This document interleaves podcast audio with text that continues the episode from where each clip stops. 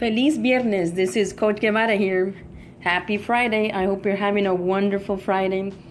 Great weather to be outdoors, by the way, here in Florida. It's probably in the 70s or early 80s. Episode 13, I believe. Today's episode is about zone defense and why I personally love it and why I emphasize it on it for either you're a high school player, college player, or basketball leagues. I personally love defense and every aspect of it because it's mind blowing, it's work. You have to put effort into it. And ever since I was involved in organized basketball as a young girl, I always tend to go towards defense and the structure of it. It has always intrigued me in how much work you have to put into it. And my personal opinion is the easiest when it comes to not memorizing plays, like you memorize plays in offense however, is the hardest when it comes to putting in work.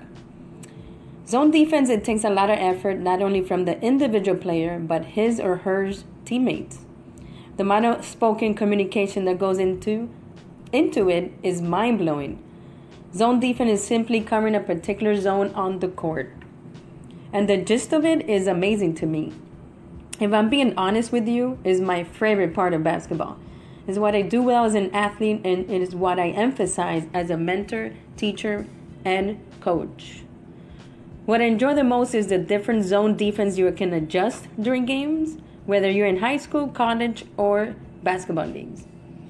My favorite zone defense when I coached JV high school was 131 and 221.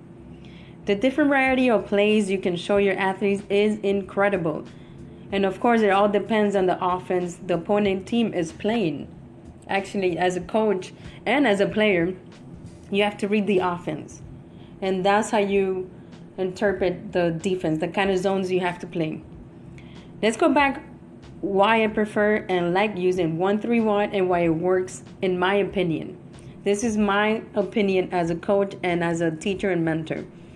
I personally ran these plays, zone defense plays, when I was coaching uh, JV high school. 131 zone defense can work to trap the offense in every angle of the court.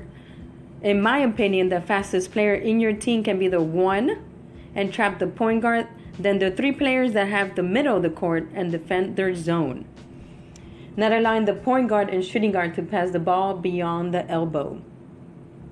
The most crucial part of the 131 zone defense is the defender in the paint area. Very important. There is only one defender, and in order for that particular player to do his or her job, the three players in the middle of the paint have to defend their zone and not let the opponent pass them. It can work wonders. Once again, it depends on the communication. Communication and space, and if you have agility and stamina. Also, may I add, in order to fully work, all five defenders have to have stamina agility, and you always have to use your tippy toes on defense. Very important. Key element there tippy toes. As a high school coach, I utilize both plays, and it works really well with the JV players, which that's the team I coach for three years, JV players. As I stated above, zone defense requires more work physically because you have you are defending the entire court in zones and communicating through the game with your teammates. Have fun on defense. Once again, this is Coach Guevara, owner of Shiny's Hoop. Follow me on Twitter and on Instagram at Shiny's Hoop or at Coach Guevara 205. I'm out.